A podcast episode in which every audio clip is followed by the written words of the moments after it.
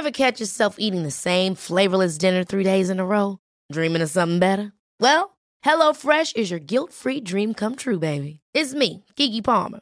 Let's wake up those taste buds with hot, juicy pecan-crusted chicken or garlic butter shrimp scampi. Mm.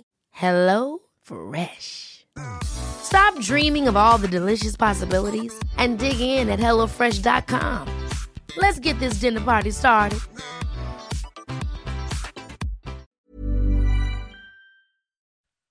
Och jag kommer ihåg hur det bara hugg i min mage.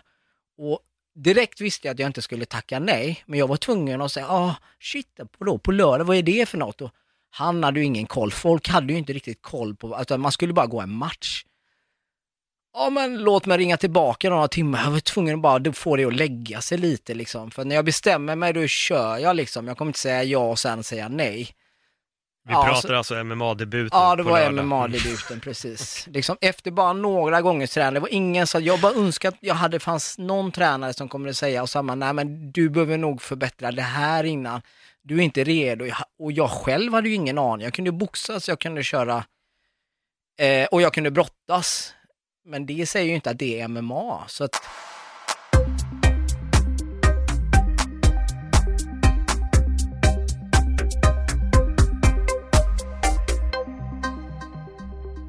Hej och välkomna till eh, Paul Elvajes eh, podcast. Den här gången i studion med mig har jag Usama Aziz och det finns kanske ganska många sätt att presentera dig på. Ehm, Så jag vet liksom inte riktigt var jag ska börja, men eh, ja, får säga brottare, boxare, OS-deltagare och MMA-fighter. Hej Usama, Ja. välkommen! tack så mycket. Ja men det var väl en eh, bra sammanfattning. Och jag tycker att vi kan starta där ändå, för att du började med brottning redan som sjuåring. Vad var det som eh, fick dig att eh, kliva in i brottningslokalen? Uh, nej men det, det var väl min pappa i grund och botten som brottades när han bodde i Egypten. Eh, men där var ju förhållandena, det var ju lite så här ganska fattigt på den tiden sådär, så det var inte så att man kunde göra en sport, utan då var man ju tvungen att jaga mat för dagen så att säga.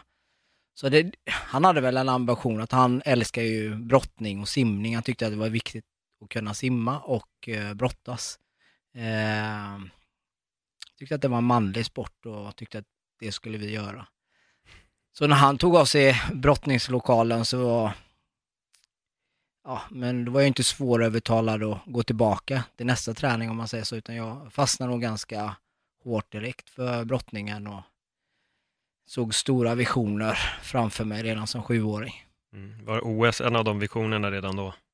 Ja, men det var, det var nog en stor dröm, det var det. Men framförallt att bli bäst i sporten liksom.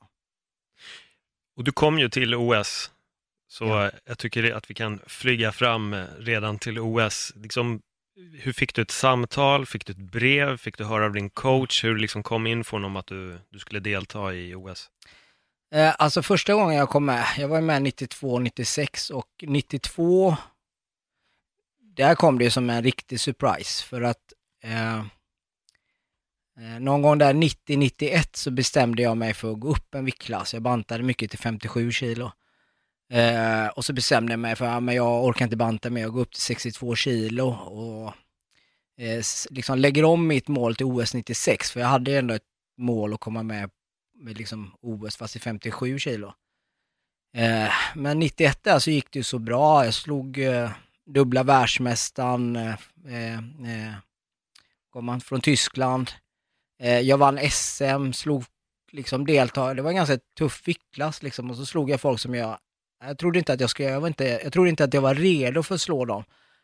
Eh, men jag blev bästa brottare och liksom fick åka på EM. Eh, så åkte jag på EM och så kom jag femma på det EMet. Eh, och det var en plats ifrån eh, och kvalificera sig till, e, eh, till OS då.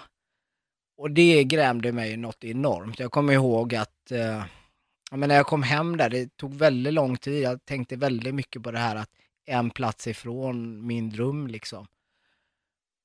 Och så glömmer jag ju aldrig den dagen när jag fick reda på det för att jag var ute med Mikael Ljungberg. Vi hade varit liksom, ja men vi var ute på stan bara.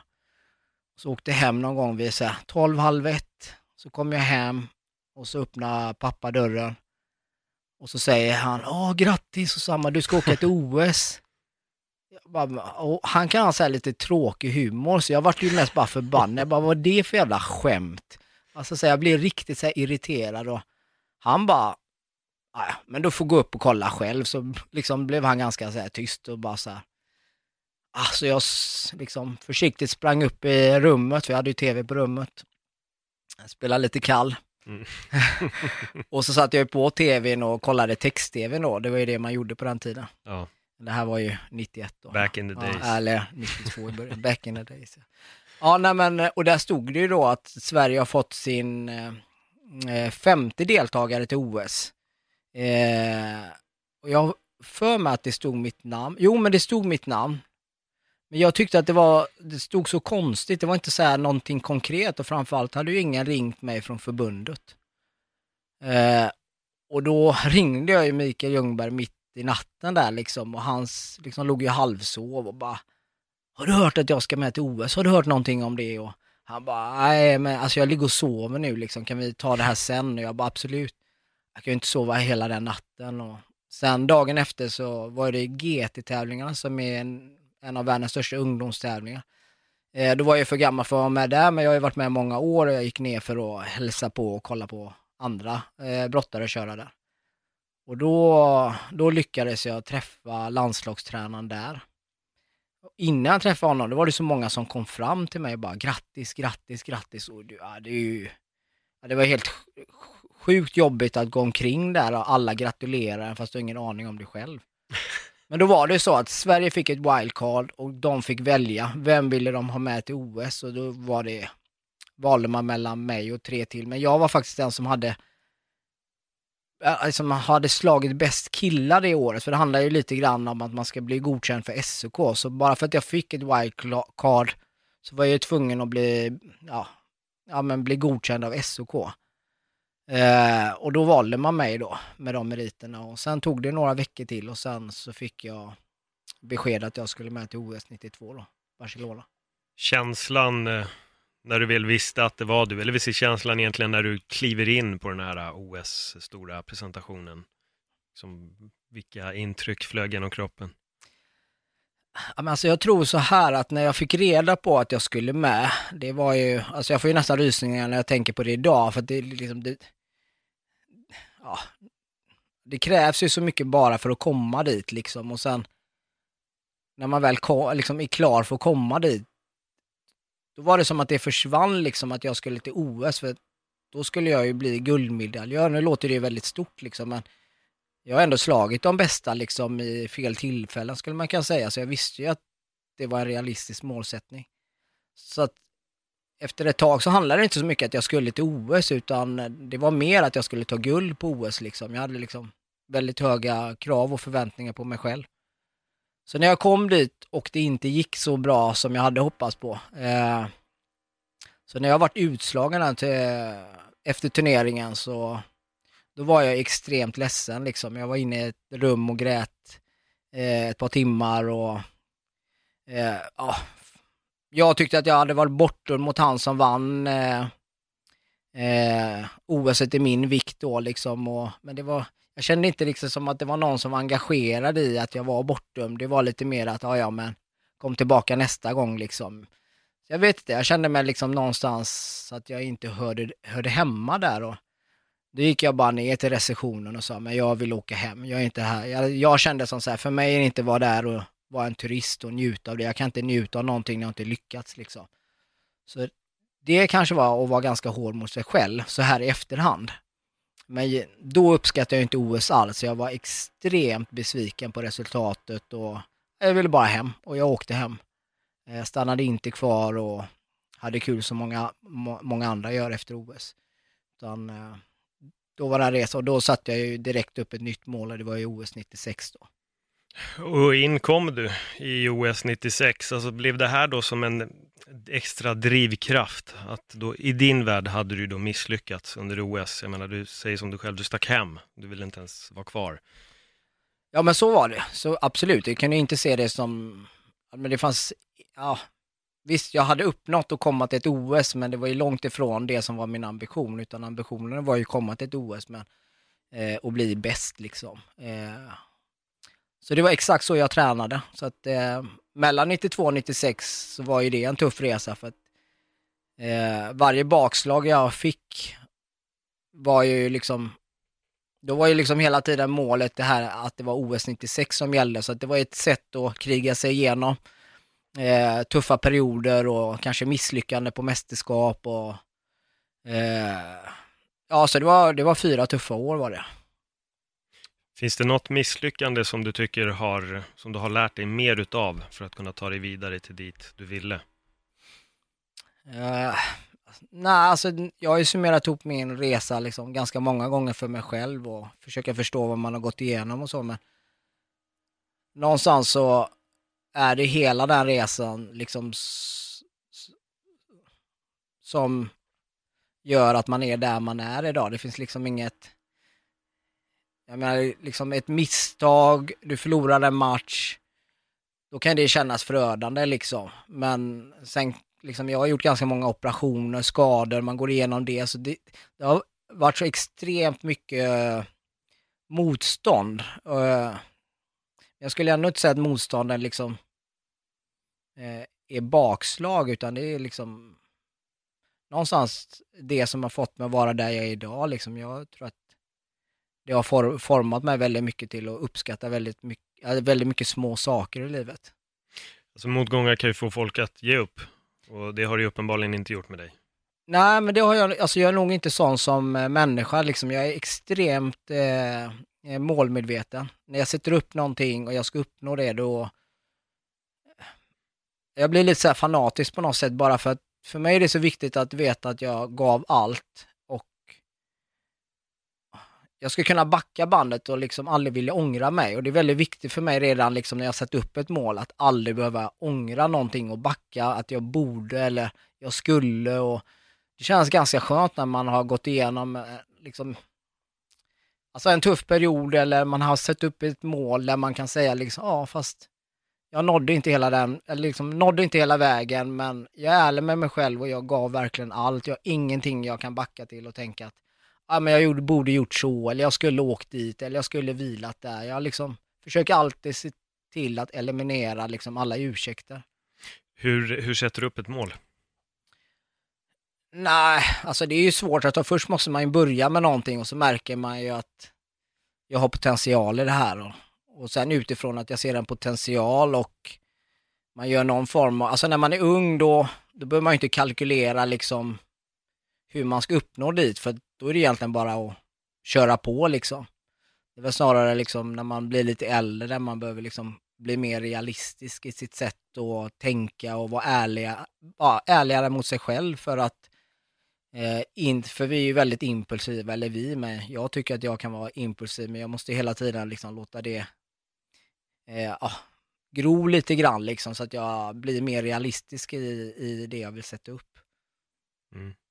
Har du något konkret exempel? För jag är ändå lite nyfiken på det. Och jag håller med dig, desto äldre man blir, desto mer realistiskt börjar man se på saker och ting. Det är lätt att sätta upp mål som ung och tycka att någon borde liksom lösa det här åt mig för att jag är bra på det. Med tiden så inser man att man måste vara bra på det för att kunna lyckas själv. Att det ligger liksom inte hos någon annan. Men jag är ändå lite nyfiken på hur du jobbar ganska lite specifikt med kanske en, en, en målsättning. Om du skulle hjälpa någon med att sätta upp ett mål, vilka riktlinjer skulle du peka den, den personen åt?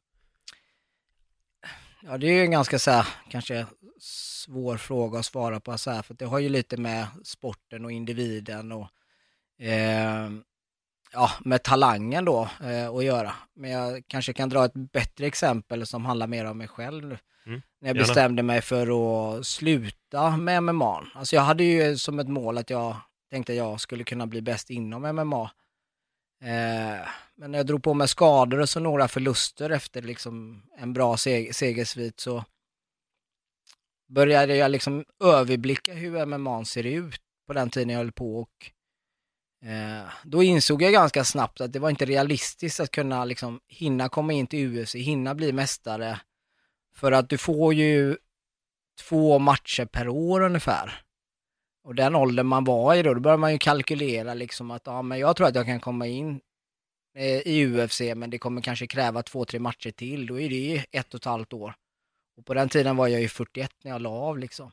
Eh, och sen när jag väl har kommit in, då måste jag ju vinna kanske 6 till 8 matcher. Och då är vi uppe i 5-6 år. Alltså så här, och då blir det bara så här. Om jag inte kan bli bäst, då kan jag lika väl stanna här där jag är nu liksom. Eh, för jag är ändå ganska nöjd att jag bara gav mig in i sporten och verkligen utmanade mig själv och försöka möta bättre och bättre killar och se vad, ja, vart jag kunde, ja men vilket resultat jag kunde uppnå. Så det blev ett realistiskt sätt att tänka liksom, eh, än att man hela tiden blundar för, för det som är verkligt. Och, för det är alltid lätt att bara hålla sig kvar i en sport och bara, ah, jag, ska, jag ska bli bäst, jag ska bli det, men man liksom, ja men är det realistiskt? Alltså är du ärlig mot dig själv liksom? Och, eh, och jag har väl insett att eh, i många år att jag kanske inte har velat vara ärlig med mig själv. Men det kanske är en grej med åldern liksom, där man jag tycker det är viktigt att vara ärlig med, med, sig, ärlig med sig själv för att uh, annars är det risk att man lurar in sig i ett hörn tror jag. Kan du se um, liksom unga fighters idag som kanske inte riktigt är helt ärliga med sig själva? Ja, men absolut. Det kan jag verkligen göra för att Alltså när, när jag blev, eh, jag var ju förbundskapten ett år i MMA-landslaget då. jag ska inte säga att jag fick kritik för att jag körde lite för hårt eh, med dem. Men eh, det var väl mellan raderna så kunde man ju höra att kanske någon upplevde det. Men jag var också ganska tydlig med de som var med på lägret att eh, det här kommer inte bli en enkel resa. Jag kommer liksom verkligen pressa er på de här lägren.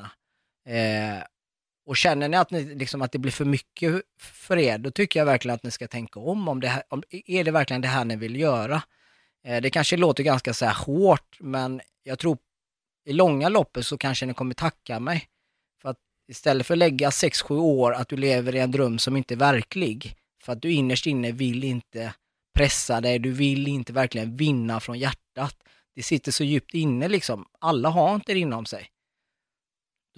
Då, tycker jag att det är bättre liksom att, där skulle man ju vilja vara mer ärlig liksom och eh, jag menar, det är, inte, det är inte upp till mig att säga du har inte det här för att gå hela vägen. Men jag vet vad som krävs i träningsmängd eh, för att nå hela vägen. Så det är ju ett kvitto som, om, om någon ger upp den resan, då har de ju gett upp själva liksom.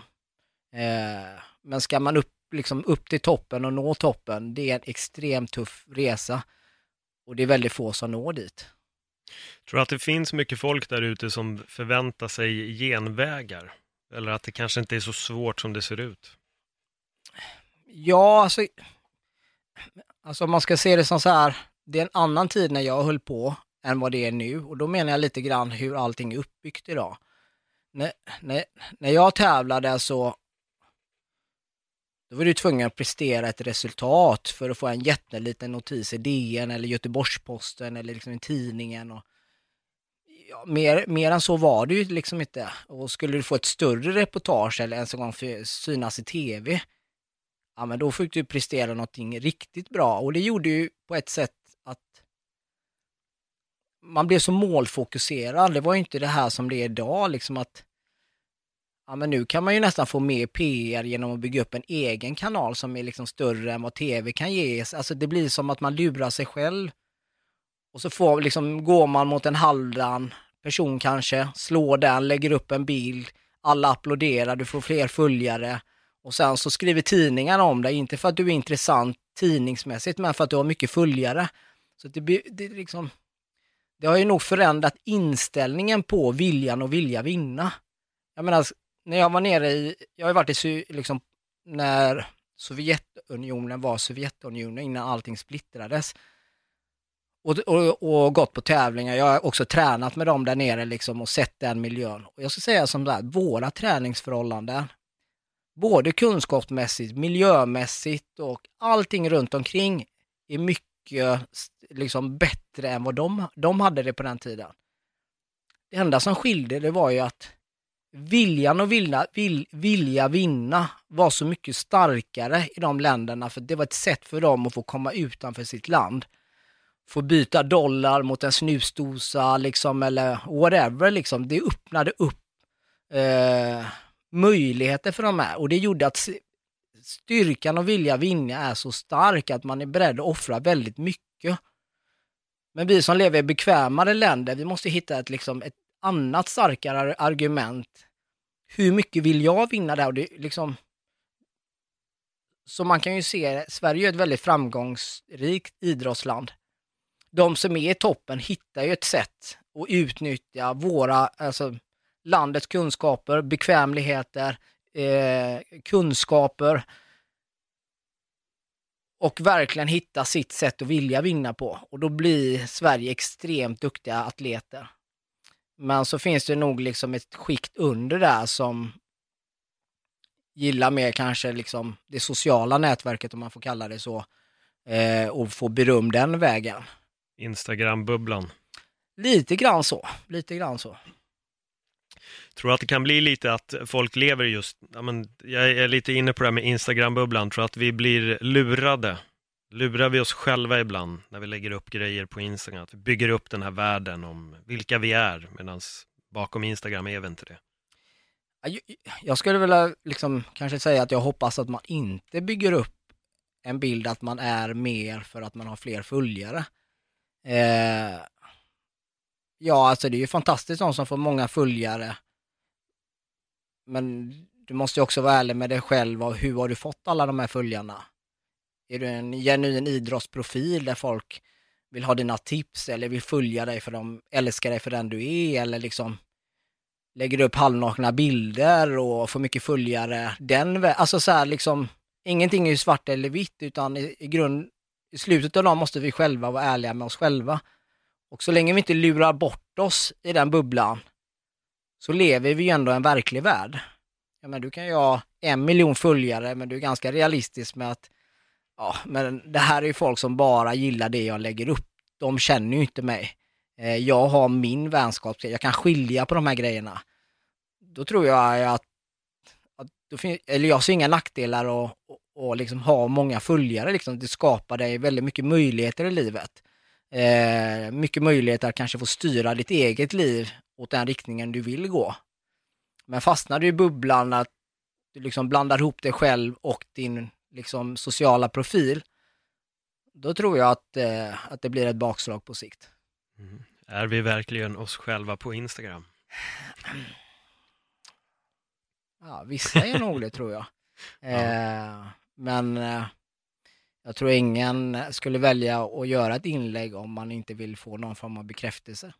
Nej, slutändan är det väl ändå det det handlar om, få likesen. Jag, jag, eh, jag vill backa bandet lite, för jag känner mm. att nu flög vi från OS 92 till, eh, till nutid. Ja. Så vi får inte glömma heller att du faktiskt hållit på med MMA för de som kanske inte känner till dig. Så efter OS 96 så höll du även på med boxning, plockade mm. hem, du fick lite medaljer i boxning. Ja, men jag var med på SM fem gånger då, kom, tog mm. brons eh, fem gånger, fem av fem och eh, två landskamper i boxning. Eh, min, ja. min direktfråga därefter är bara, vad var det som fick dig att börja med MMA? Vad var det som lockade dig till, till den brutala kampen som man såg det verkligen på den tiden? Ja, eh, ett kort svar vore ju att säga att det är spänning, spänningen liksom. Jag gillar spänning och det kanske många gör, men jag gillar spänning. Men mycket, mycket var ju när jag brottades, det var ju liksom att jag gillade, har alltid gillat fightingen på något sätt. Så det var väl lite så jag började boxas liksom att när MMA inte, MMA existerade ju inte när jag brottades, eh, liksom, det hade precis börjat.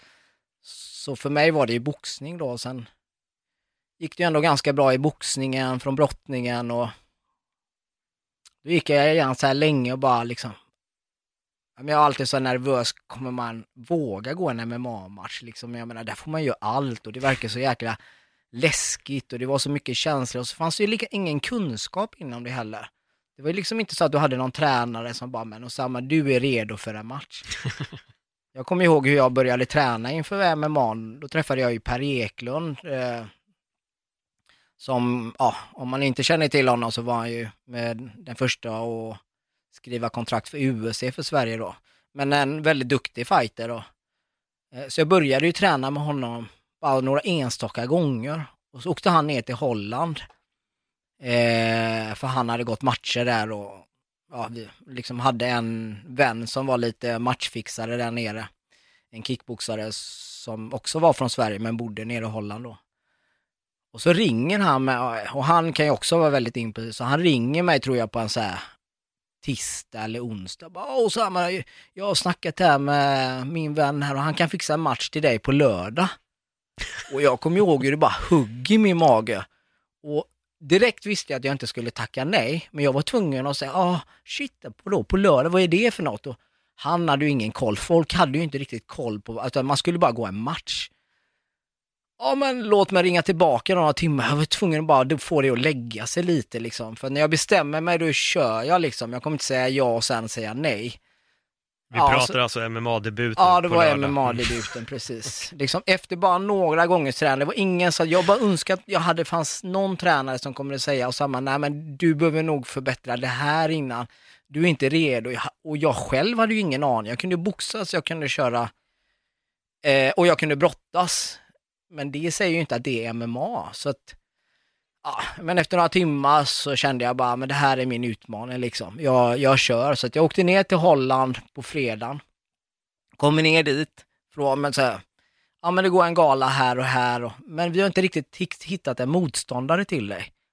Eh, vi har försökt men, ja, men vi kommer lösa det, vi kommer lösa det, du vet, och bara, vadå kommer lösa det liksom? Ja, jag tänkte så här, jag är ju här nu liksom. Åkte ner själv där nere liksom, ingen trygghet alls kom jag, jag kände mig väldigt så här bara, jag var liksom på liv, alltså man ska ju, det var ju så liv eller död känsla liksom att känna med mardebut och inte ha någon trygghet med sig. Och så kom jag ihåg på lördagen, ja men nu har vi fixat en eh, motståndare så ni får liksom väga in och då var det ju lite catchweight, liksom. man vägde in där man vägde in då men det var ju ändå, det var inte som så att han var större eller mindre, vi var ju likvärdiga liksom, men man visste ju ingen riktig bakgrund. Jag visste att han hade hållit på med kampsport länge och sådär. Och... Ja, ja, så jag kommer ihåg när man skulle gå upp för den här matchen liksom. liksom man går i bar överkropp och tunna handskar och har liksom ingen aning om hur det här kommer bli liksom. Men jag kommer ihåg när gånggången gick, alltså jag slogs för mitt liv alltså. Jag måste säga sen när jag såg filmen på det, alltså, det såg så brutalt, jag var så aggressiv och folk som känner mig var bara shit och samma, det där är du alltså, du bara ser helt galen ut och jag bara, ja men du ska veta, jag kände mig på riktigt liksom. Vilken Alltså, känsla hade du? Ja men det var sånt adrenalin på så jag tänkte det här är med för mitt liv alltså. Jag bara så här. Jag kommer inte lämna något till slumpen. Jag ska bara, alltså jag ska slakta honom. Han ska inte få en chans att träffa mig. Alltså det var så här. Ja men det var, ja. Nej, vad ska jag säga? Det var, jag kommer aldrig glömma första matchen. Kommer aldrig göra. Hur slutade matchen? Nej men jag vann, jag vann. Hur vann du? Eh, ja, jag satte ett lås gjorde jag. Jag trodde att, vad hette den?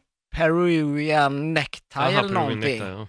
Så var det, det var det enda låset som Per hade visat mig och jag bara, ja, det, ja, det var min enda submission-vinst också.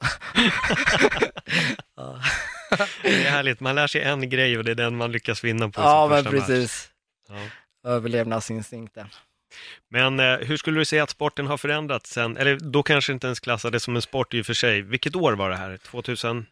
Eh, 2006 tror jag att det var. Mm, 12 år sedan. Mm. Hur skulle du säga att eh, MMA har förändrats på de här 12 åren?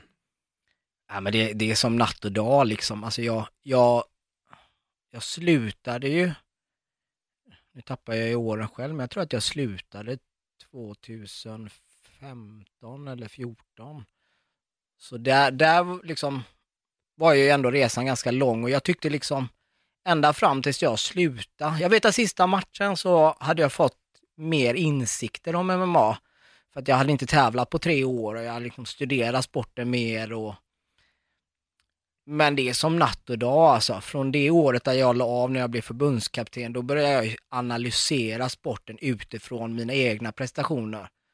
Det är därför jag följer sporten varje vecka nu, för att jag tycker att det är den sporten som har mest utveckling. För att eh, Jag börjar säga att den är som universum, liksom. det, det finns inget slut. Det, liksom, det finns flera olika början, men det finns flera olika slut och det, det finns ingen sport som har, har den bredden av kunskap.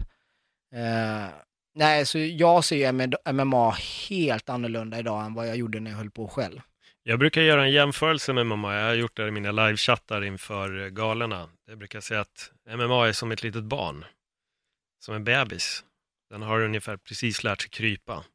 Och vi får se den här utvecklingen, vilket jag håller med dig Jag tycker det är fantastiskt. Alltså gamet förändras lite nästan från år till år. Så appliceras. Först var det BJ och sen blev det brottningen och boxningen och muay thai. Och nu märker man att nu börjar, det liksom bli, nu börjar det bli MMA på något sätt. Men jag tror fortfarande att det, det är inte klart någonstans. Det är för stort. Mm.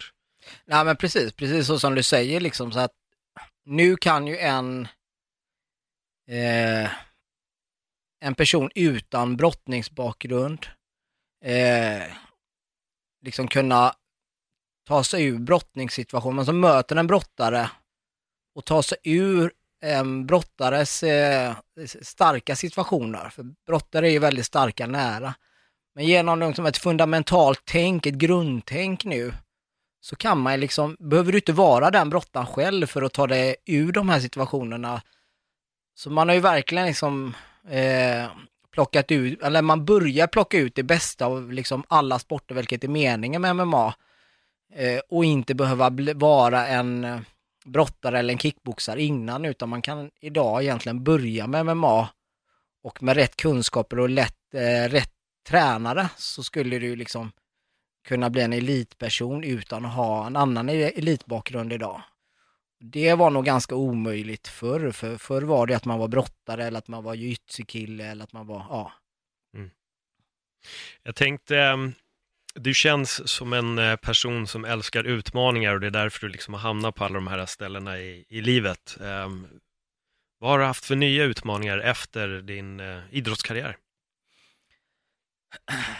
Ja, alltså den största, största utmaningen har ju varit någonstans att liksom hitta min egen identitet på något sätt. Alltså det är, det är så många grejer som har landat i mitt, liksom kan man säga, landat i, i sitt knä genom att inte eh, vara aktiv längre. Many of us have those stubborn pounds that seem impossible to lose, no matter how good we eat or how hard we work out. My solution is PlushCare. PlushCare is a leading telehealth provider with doctors who are there for you day and night to partner with you in your weight loss journey. They can prescribe FDA-approved weight loss medications like Wagovi and Zeppound for those who qualify. Plus, they accept most insurance plans. To get started, visit plushcare.com slash weight loss. That's plushcare.com slash weight loss. Hey, it's Ryan Reynolds, and I'm here with Keith, co-star of my upcoming film, If, only in theaters May 17th. Do you want to tell people the big news? All right, I'll do it. Sign up now and you'll get unlimited for $15 a month in six months of Paramount Plus Essential Plan on us. Mintmobile.com slash switch. Upfront payment of $45 equivalent to $15 per month. Unlimited over 40 gigabytes per month. Face lower speeds. Videos at 480p. Active Mint customers by 531.24 get six months of Paramount Plus Essential Plan. Auto renews after six months. Offer ends May 31st, 2024. Separate Paramount Plus registration required. Terms and conditions apply if rated PG. Alltså, sen jag var sju år så har jag ju liksom elitsatta. Jag har aldrig haft ett uppehåll. Eh, utan jag har ju konstant liksom varit aktiv. Har jag varit skadad på höger knä, då har jag tränat vänster eller något annat. Jag har alltid varit igång liksom. Så att, nej men, men ja, jag vet inte egentligen var man ska börja, men en sån enkel grej som att liksom, jag, jag fick säga till min tjej att eh, om jag luktar, kan du påminna mig om jag har duschat och det här låter ju helt sjukt. Men det är ju för att när jag, jag har ju tränat två gånger om dagen, det är ju aldrig någon som behöver säga till mig gå och duscha. Men om jag har haft två dagar och vilat eller en dag, jag menar jag, jag har ju ingen rutin att gå in i duschen bara för att göra mig ren. Jag har ju alltid gjort mig ren för att jag har tränat. Det är en sån grej exempel. Eh, alltså, hur rastlös jag är som människa har kommit fram när jag inte tränar lika mycket. Eh, kom ihåg bara några dagar efter att jag hade lagt av, jag skulle liksom, jag och tjejen, vi skulle liksom ta hotell, ta det lugnt och liksom, och mitt i natten liksom, inte för att jag måste träna, men det kliade i min kropp. Jag var tvungen att gå upp och göra så här hundra upphopp eller, alltså jag gjorde något så här bara för och så la jag mig i sängen så kände jag bara hur jag bara gick ner i varv när jag kände att jag var trött i kroppen och så blev jag så här lite trött och, och då började jag ju inse massa saker, att jag är en rastlös människa liksom. Eh, ja men det är ganska mycket grejer som har dykt upp som eh, har gjort livet väldigt utmanande och intressant i äldre dagar. Jag är bara lite nyfiken på en grej, för du sa det här just det här med din egen identitet. Kände du när du hade lagt ner med all, eller inte lagt ner, men liksom slutat vara en professionell idrottsman då, att du förlorade en liten bit av din identitet? Jag trodde väl lite att jag hade en identitet som idrottsperson. Jag trodde liksom att jag var jag, jag, var jag liksom. Eh, men eh, men så var det ju liksom inte, utan det, när saker och ting tas ifrån dig och det, det är ju som uppmärksamhet, du är inte lika intressant. Eh, ja men det är väldigt många grejer som tas bort som du bara haft eh, framför dig hela tiden. Och jag tyckte att det har varit en intressant resa liksom av, av att spegla det, spegla det och vara, börja bli mer ärlig med sig själv och reflektera väldigt mycket över liksom känslor som dyker upp inom en liksom, vad handlar de känslorna om liksom? Och försöka liksom analysera dem och försöka frigöra dem och eh, så nu har det ju gått ganska många år liksom, men nu är jag ganska så här, trygg med att bara vara där jag är. Att... Vilka insikter fick du på, på vägen under resan? Eh... Ja, nej men vad ska jag säga? Det känns som att det har varit så många så jag... Ja, alltså, jag, jag, jag tror att jag kan skilja mer på eh, det jag gör eller om jag skapar någonting, om det skapar ett intresse så är det utifrån att jag har skapat någonting som där det finns ett intresse. I grund och botten behöver det inte handla om mig som person, jag som person är ju på något sätt ganska identitetslös egentligen liksom, för vem är jag om jag inte har någonting? Om jag inte gör någonting så är, då är, ju, då är det ingenting kvar av mig. Så det är väl lite så jag faktiskt fastnar vid en grej och jag kan inte riktigt säga om det är Shakespeares citat eller någonting, men han pratade om, det var ganska många år sedan, eh, och ju mer jag reflekterar över det, ju mer inser jag liksom vad han menar. Han pratade om att livet är som ett skådespeleri. Eh, vi går in i olika roller men det är egentligen inte vi själva. Tar man bort alla dem så är vi ju ingenting. Så det gäller ju att hitta den här balansen av att vara liksom en pappa, det är jag ju för mina barn. Eh, idrottspersonen, det är ju för att jag sätter upp ett mål. Eh, eh, flickvän med kärlek. Eh, men om allt det där försvinner så kommer ju liksom, då är jag ju mig själv, jag är ju en ganska neutral. Jag, jag menar som ett bra exempel kanske är liksom med jobb, det är ju väldigt lätt att gå in i sitt jobb liksom. Vi flyr från ganska mycket och så blir vi vårat jobb. Och när jobbet försvinner så, så blir det lite som en idrottsperson, vi tappar vår identitet. Vem är jag när jag inte är duktig på det här jobbet? Och då kanske man lägger för mycket energi på en sak och någonstans det kanske har landat i mig, det är att fördela ut saker och ting.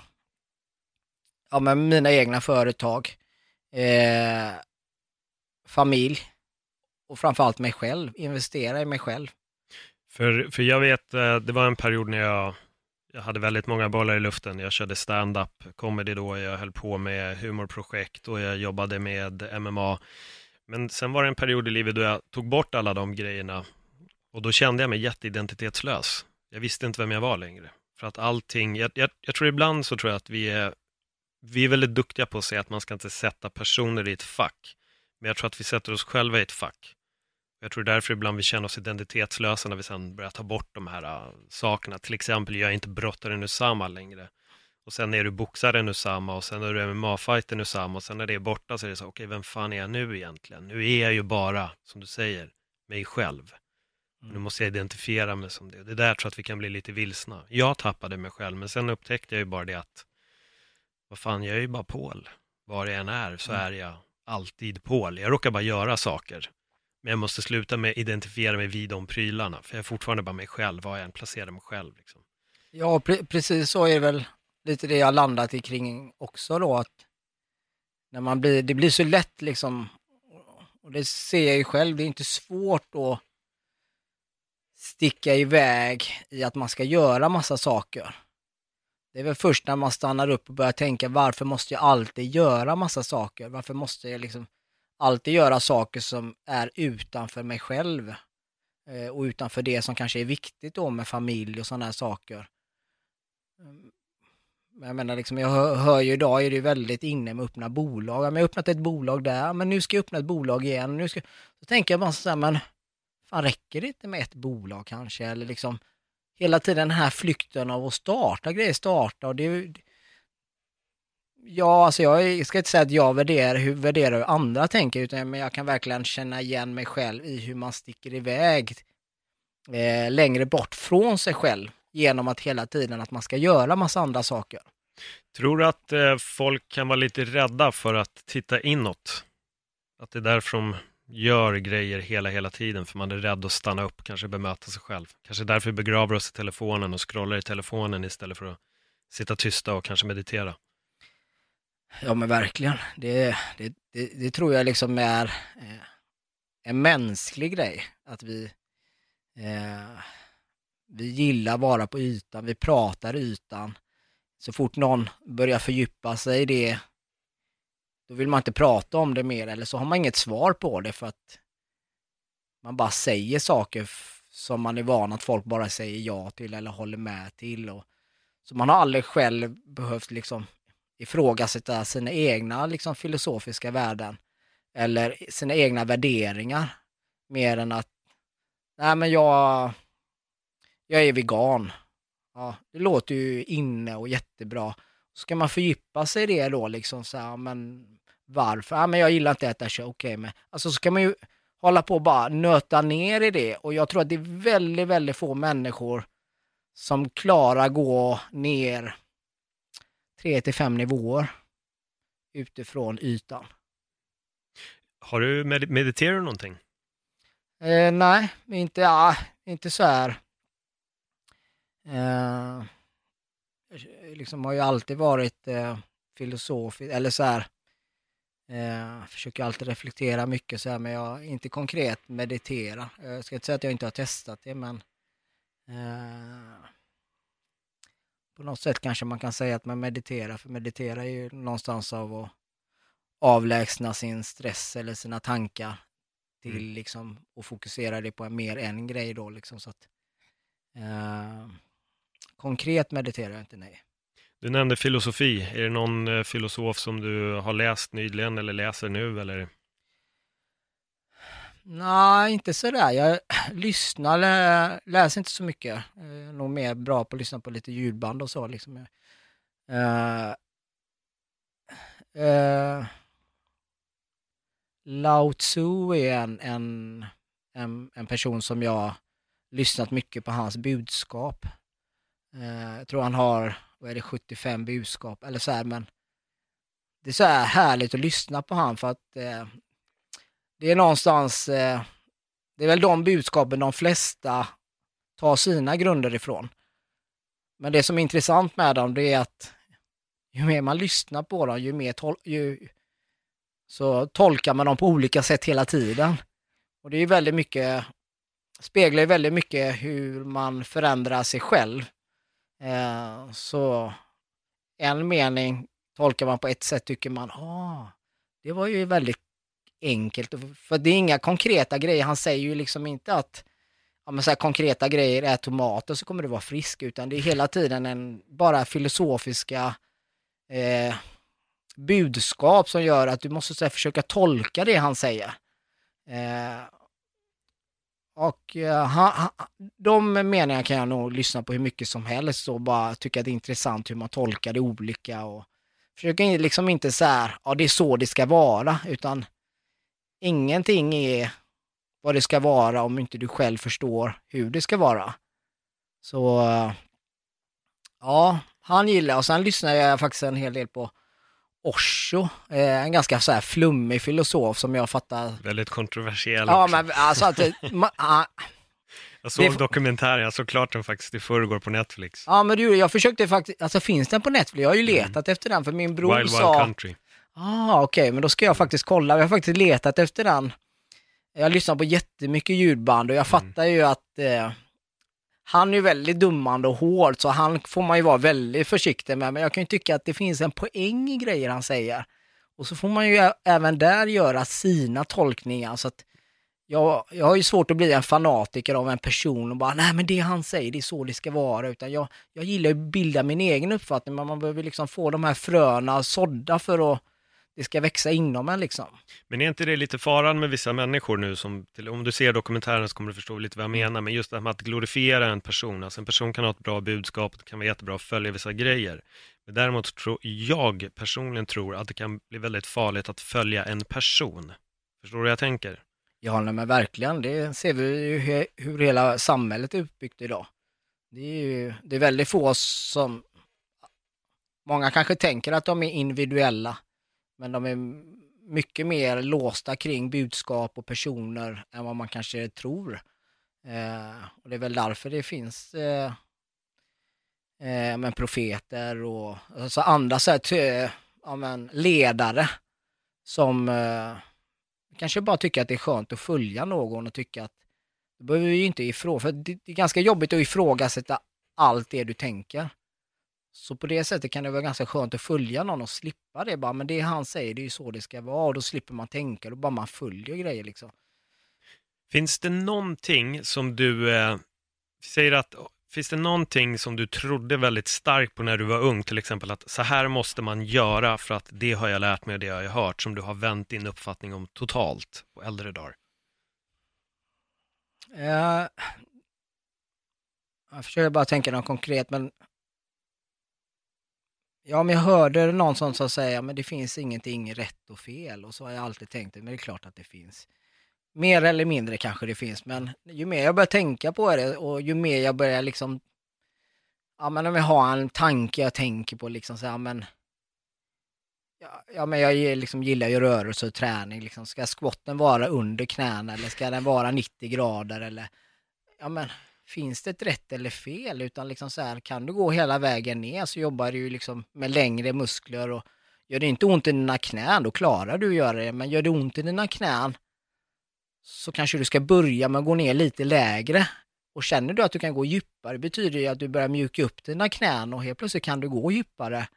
Ja, men då gör du ju det. Uh, ja.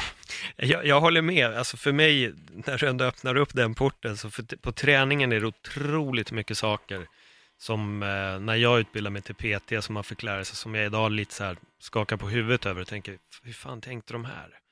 Var kommer de här sakerna ifrån? Och eh, just som du säger, knäböj är verkligen en sån sak. Man skulle inte böja mer än 90 grader. Då var du klar, du skulle inte gå djupare. Det var ungefär som att man kunde ungefär skada knäna. Men sen tittar man liksom, vi tar till exempel Thailand som exempel. Alla sitter i squatposition. Överallt. Men mm. teoretiskt sett och enligt vår lära, då ska det faktiskt vara problematiskt.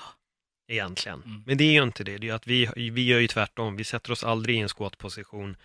Eh, utan vi sitter på en stol och eh, ja, och där är väl en sån sak som jag har märkt. Och sen kost har också varit en riktig så grej som har förändrats väldigt, väldigt mycket. Men finns det något mer inom träning där du, där du tycker att, men gud, fan kunde jag tänka så här för tio år sedan? Eh, jag jag reflektera mycket över det jag gör, liksom. Kanske inte kan komma på så här nu på rak arm en spe specifik grej. Eh, men jag brukar tänka däremot som så här, tänk om jag visste det jag visste idag och jag fick börja om min idrottskarriär. Eh, då skulle det varit helt annorlunda. Det behöver ju inte vara så, men alltså det är väl mer att jag tänker rent så här kunskapsmässigt och då tänker jag ju ibland om jag Ibland håller jag ju några träningar när jag får förfrågan, ibland jobbar jag med ungdomar och tänker jag liksom att eh, ja, det kanske inte funkar att säga exakt vad alla ska göra för att jag har en annan insikt. Jag är ju äldre och har ju fått den insikten folk måste få utveckla sin egen, sin, ja, sitt eget sätt att tänka på. Men man skulle ju ändå kanske vilja leda folk lite annorlunda än vad man själv blir ledd eh, eh, idag med den kunskapen man har. Eh, och sen får ju alla hitta sin egen väg utifrån det. Eh, men eh, visst har saker och ting förändrats, så kan man väl säga. En sak, vi pratade ju lite innan sändningen och det har ju med, med mat att göra. Jag vet att det är någonting som ligger dig väldigt eh, nära om hjärtat. Men vi kom ju på fasta. Mm. Eh, Fasta är en sak som jag själv har hållit på med under ett cirka, lite mer än ett halvår skulle jag nog säga. Men när jag utbildade mig, då skulle man käka ungefär mer eller mindre var tredje timme. Annars så gick man in i svält och det var problematiskt och kroppen skulle brytas ner och så tyckte man, ja, men, ja det låter väl liksom kanske rimligt. Men sen när jag började med fasta så märkte jag att vänta, jag äter mindre, jag tappar fett, jag blir ändå starkare, jag bygger muskler och just nu äter jag bara på ett annat sätt. Du är också lite inne på fasta, hur, hur jobbar du med det? Ja, eh, jag fastar också. Eh, jag har inga direkta tider så som jag fastar utan eh, jag kan väl säga att jag började fasta efter jag tittade på vete. Alltså jag eh, tycker väl att eh, när det finns bra grunder så här, då såg det lite frön i hur jag kanske kan liksom anpassa mig själv efter det. Och det, då pratade man om fastan hur, när man inte äter konstant, hur kroppen börjar läka sig själv och liksom bygga ett stö, starkare immunförsvar och det, det fanns ganska många positiva tester liksom, så det var inte liksom en hypotes någon hade, utan det var verkligen utifrån vetenskap. Eh, nu var det väl någon japan som fick Nobelpriset i att han fastade i tre dygn och visade sig väldigt positiva resultat. Nu har inte jag, ska inte uttala mig för mycket om det, men jag vet att det finns väldigt mycket eh, Eh, studieresultat just på liksom hur fastan kan läka kroppen. Så det blev ett sätt bara att experimentera med mig själv då. Bästa sättet att fasta det är ju på morgonen när blodsockret är neutralt så att säga. Eh, och alltså jag, nu, nu fastar jag också liksom, men jag försöker bara fasta för att hitta min egen hunger. Och det är också ett sätt för att försöka mäta kroppen utifrån energi. Om jag äter mycket på kvällen som innehåller hög energi så kommer jag kunna stå mig längre nästa dag. Eh, och äter jag inte så mycket energi på kvällen då kommer jag behöva äta tidigare liksom. Och det är därför jag inte vill låsa mig kring tider. Eh, utan mer lära känna min egen kropp, hur den funkar, liksom vad mår min kropp bra av och eh, ja. Vad äter du med hög energi på kvällen? Eh, nötter, eh, brukar alltid äta någonting sött och så här, eller jag äter en energirik eh, middag, det gör jag och sen tycker jag det är gott att ta lite sött. Jag äter inte liksom, men det är, pratar mer dadlar och lite åt det där hållet liksom. Eh, frukt och, eh, och känner jag att jag fortfarande behöver någonting mer, då fattar jag att jag har ganska lite energi i kroppen. Då brukar jag typ ta en riskaka med mycket, jag gör sånt eget grissmör med lite kokosolja så brukar jag ta ganska mycket av det smöret och så ganska, eh, ja, några lager ost på. Och så äter jag den och det är ju ganska mycket fett i det. Då är jag helt perfekt liksom. Innan den kunskapen så var jag ju kanske sugen, då blev det att jag åt sött, sötsaker. Fast jag aldrig blev riktigt mätt. Så jag bara liksom, lär, liksom förstått vad jag behöver och inte behöver. Uh, vad behöver du inte? Uh, ja, jag behöver verkligen inte lösgodis. Uh, det åt jag i och för sig för några dagar sedan och jag äter väl det väldigt, väldigt minimalt och det kanske är ett sätt för att påminna mig själv vad jag inte vill ha. Men det mår jag ju väldigt dåligt av. Får så mycket mardrömmar och blir orolig i kroppen. Och, eh, så det behöver jag inte. Eh, jag behöver inte McDonalds. Nej men jag behöver, man kan mycket bättre vända på det. Jag behöver riktig mat liksom, med, från grunden. Det var precis det jag skulle fråga, ja. vad är det du behöver? Ja, Ja men mat från grunden, det är det, det, det är väl så, så jag lever och så jag äter liksom att jag eh, väldigt sällan, jag kanske aldrig lagar snabbfabrikat men jag kan hitta snabba sätt att laga mat på men det ska alltid vara riktig mat i det. Eh, men helst vill jag ju alltid laga vällagad mat varje dag liksom men ja, det blir kanske tre, fyra dagar i veckan i alla fall. Och resten är liksom kanske så här, man har frysta grönsaker som man tinar upp och så någon potatispasta. Alltså så här, men bara det är riktig mat liksom. Och gärna med, med rikligt med fetter i. Det är det som är mättnadskänslan. Man är som att innan har man varit rädd för fett. Mm. Men det är ju nästan som att du kan nästan aldrig överäta dig på fett, för när du har fått i dig tillräckligt med fett, då är du verkligen mätt. ja. Du vill inte ha sötsaker, du vill inte ha någonting så att det har nästan fått mig, det, det har fått mig att inte bli rädd för fett. För de kan nästan bli så att jag är inte sötsugen, då har jag verkligen fått i mig bra med fettet. Sen kan jag tycka att det är gott att vara lite sötsugen för att ta liksom, ja, men någonting lite sötare efter maten. Eh, men eh, fett ska man nog inte vara rädd för. Nej, jag håller med och där har vi ju verkligen också en grej som verkligen en, en lärdom som vändes upp och ner totalt för några år sedan. För där har det ju verkligen varit att nej, nej, nej, fett, ja det är fet, ät inte fett. Nu om vi backar till när vi var unga till exempel, mm. ät inte avokado för det är fett. Ät inte lax, det är fett, då kommer du bli tjock. Mm. Man trodde att man blev fet av fett, vilket kan låta rimligt, men nu har det visat sig att det är ju inte det. Du blir inte fet av fett, utan du blir fet av i princip för mycket socker, kolhydrater och det sjuka är ju istället då att vi dunkade i massa socker i det som var mm. våra lightprodukter och det vi skulle bli smala av och istället blev folk tjockisar. Ja, men det var liksom jag vet inte om du kommer ihåg, men det fanns ju någonting som hette minimjölk. Ja, ja, det var, var det 0,1. Alltså det var helt sjukt, det var ju bara vatten liksom. Jag gillade den, men grejen var att jag gillade inte mjölk. Så för mig, jag har alltid älskat vatten. Mm. Jag tror det är därför jag fastnade ja. för minimjölk, men mm. jag, jag, är ingen mjölkdrickare ja. direkt. Nej, men det, det, så är det. Som, det, har, det är ju jättetydligt på en själv.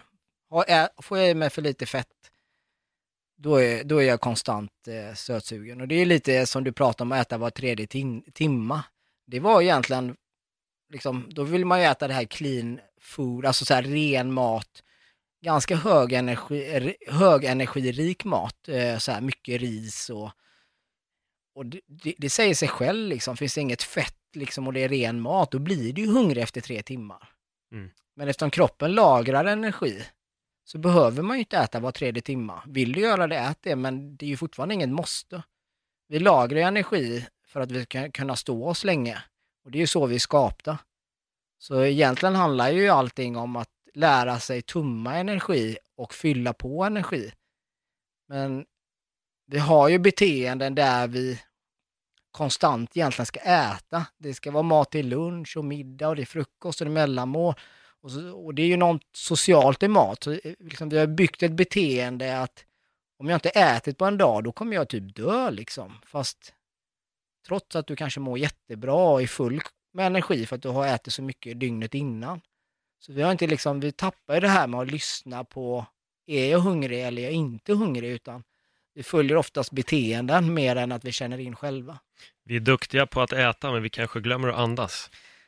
Det kan vara en bra grej att ja. tänka på. Eh, vad skrämmer dig? Eh, jag skrämmer mig. Ovissheten skrämmer mig. Vad gör dig glad? Eh, mat, träning, min familj. Vad motiverar dig? Livet. Mm. Eh, vad får du inspiration ifrån? Eh, andra. Har du någon eh, förebild? Eh, min pappa har ju alltid varit min förebild. Mycket för att jag känner till hans historia och liksom hans resa och jag gillar hans värderingar som person. Eh, eh, så där är, det är en stor förebild. Men sen skulle jag också säga att jag Får man fråga vilken resa han har gjort? Ja, han är absolut, han jag drar det väldigt kort liksom, han eh, kommer från väldigt fattigt förhållande i Egypten eh, med bröder och systrar. Eh, pappa som, eh, pappa och en bror som eh, busade mer än vad de kanske skulle göra. Eh, så min pappa började redan som nioåring och gå ut på kvällarna liksom för att skaffa jobb och få in mat för dagen. Och, eh, så han har ju haft en lång resa utan så här, utbildning och sådär. Så, man är väldigt, också så här, väldigt målinriktad när han liksom ger sig in i någonting och väldigt ärlig, eh, lojal människa. Eh, och så tycker jag att det är ändå häftigt från att se den starten i hans liv, hur han lyckas ta sig till Sverige. Eh, Liksom jobba. Han har väl liksom bara jobbat ihop och sparat pengar. Liksom, han har aldrig haft något välförtjänt jobb, men han lyckas ändå spara ihop liksom, en liten kassa till oss eh, bröder. Eh, idag är det inte så mycket pengar, men på den tiden var det mycket, för han levde ju typ inte åt sig själv. han köpte en helt ny Mercedes. Han liksom, det är så, om man är arab eller kommer från Egypten eh, och framförallt på den tiden, då är ju Merca väldigt, har ju högt värde. Så han gick in till Merca och kunde köpa en, liksom en, inte den värsta liksom, men en fin Merca kontant. Det var en stor grej i hans liv att kunna göra det. Eh, köpte ett radhus, vilket genererar att min mamma är pensionär idag. Nu lever jag inte då, men min mamma är pensionär idag. Men det genererar ju att hon slipper ha höga kostnader för hon har typ ingen pension, pension och då gör ju att hon kan leva bra. Så... Och så är vi ju tre bröder, eh, två systrar. Eh, alla lever efter standarden. Eh, ingen har missbruksproblem eller liksom så här. Det finns så mycket liksom grejer liksom som han har lämnat efter sig som har en stark påföljd som man gärna vill bygga vidare på. Ja. Den eh, starkaste lärdomen som din pappa verbalt har sagt till dig, har du någon sån? Vad tänkte du på som? Men kanske något, någon, någon fras eller någon mening som han har sagt till dig som du liksom har tagit med dig, inte bara liksom det han har gjort utan kanske någonting han har sagt också. Ja, men jag, jag tror att, kanske inte exakt någon fras så här som jag bara kan ploppa ur, men jag märker liksom beteende liksom att han var väldigt, väldigt så här, hjälpsam och lojal människa liksom och ja men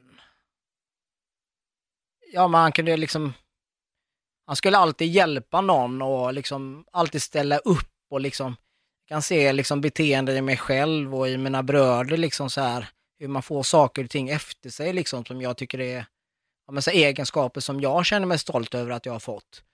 Uh, Ja, man har sagt eh, mycket saker liksom och försökt. Jag tror att hans starkaste värdering, eller vad han ville uppnå, eller det var ju väldigt tydligt, det var ju att han ville ge oss ett bättre liv än vad han hade haft. Så han hade ju ett extremt eh, temperament, humör. Eh, när han var arg då, då ville man bara hålla sig borta liksom. Extrem kraft inom sig. Eh, eh och Eh, kanske inte alltid visste hur han skulle bete sig i det och eh, idag förstår jag honom bättre. Jag förstår liksom så här att hans frustration i att att han vill inte se sina barn vara där han var, så det var så viktigt för honom. Det var därför han körde oss i träningar och ja, nu ska vi dit, du ska träna här, du ska simma, alltså så här liksom. Vi gick ju till brottningen och efter brottningen så han vi aldrig duscha utan då tog han bara tog på oss en overall och så åkte vi för, till simlektioner, för det var så här, han kommer ju från havet liksom, så det är viktigt att kunna simma för honom. Men han hade starka värderingar av att han ville att vi skulle växa upp där folk skulle respektera honom. Eh, och jag tror att det är lite det han kanske inte upplevde i sin uppväxt, för att när han men när han var ny i Sverige, det fanns inte så många utlänningar, du blir ju, en, du blir ju annorlunda när vi inte har kunskapen av att se annorlunda människor så har vi ett sätt att döma dem snabbare på. Eh, och jag tror bara att han kände, om du blir en duktig idrottsman, för det var, väldigt, det var ett väldigt tydligt budskap, blir ni liksom duktiga idrottsmän då kommer folk respektera er, de kommer se upp till er, ni kommer liksom kunna få det bättre i livet. Så därför var idrotten väldigt viktig för honom. Eh, han ville skapa ett bättre liv för sina barn. Hur skapar du ett bättre liv för dina barn? Uh, genom att vara den jag är bara. Mm. Bra. Jag tycker att vi har nått vår slutpunkt där. uh, ifall folk vill uh, veta mer om dig eller hur hittar man dig? Ja, jag har en tjusig hemsida. Mm. osamasis.com eller osama.se. Uh, ja, kan man gärna kika. Det står lite grann om min bakgrund och lite vad jag gör, men vet jag inte hur fräsigt det är. Men men du föreläser lite också? Ja, men föreläser lite, eh, kör lite träningsevent, kommer faktiskt inbokad på Novi Resort i Gotland nu och vara där och hålla träningar vecka 29 och 30. Så är man i Gotland kan man komma dit och träna mm. med mig där. Eh. Sociala medier, finns det någon sociala medier man kan hitta dig på också? Ja, jag har ju eh, namnet Osama Sis eh, på min eh, Instagram. Eh, Ja. Mm. Bra. Tack så jättemycket. Ja. Och för alla er som har lyssnat så uppskattar vi en like om ni gillar avsnittet. Dela gärna på era sociala medier. Tagga på Ledvajs podcast. Tagga mig, tagga Usama Aziz och eh, kör i vind så hörs vi nästa vecka. Hej då!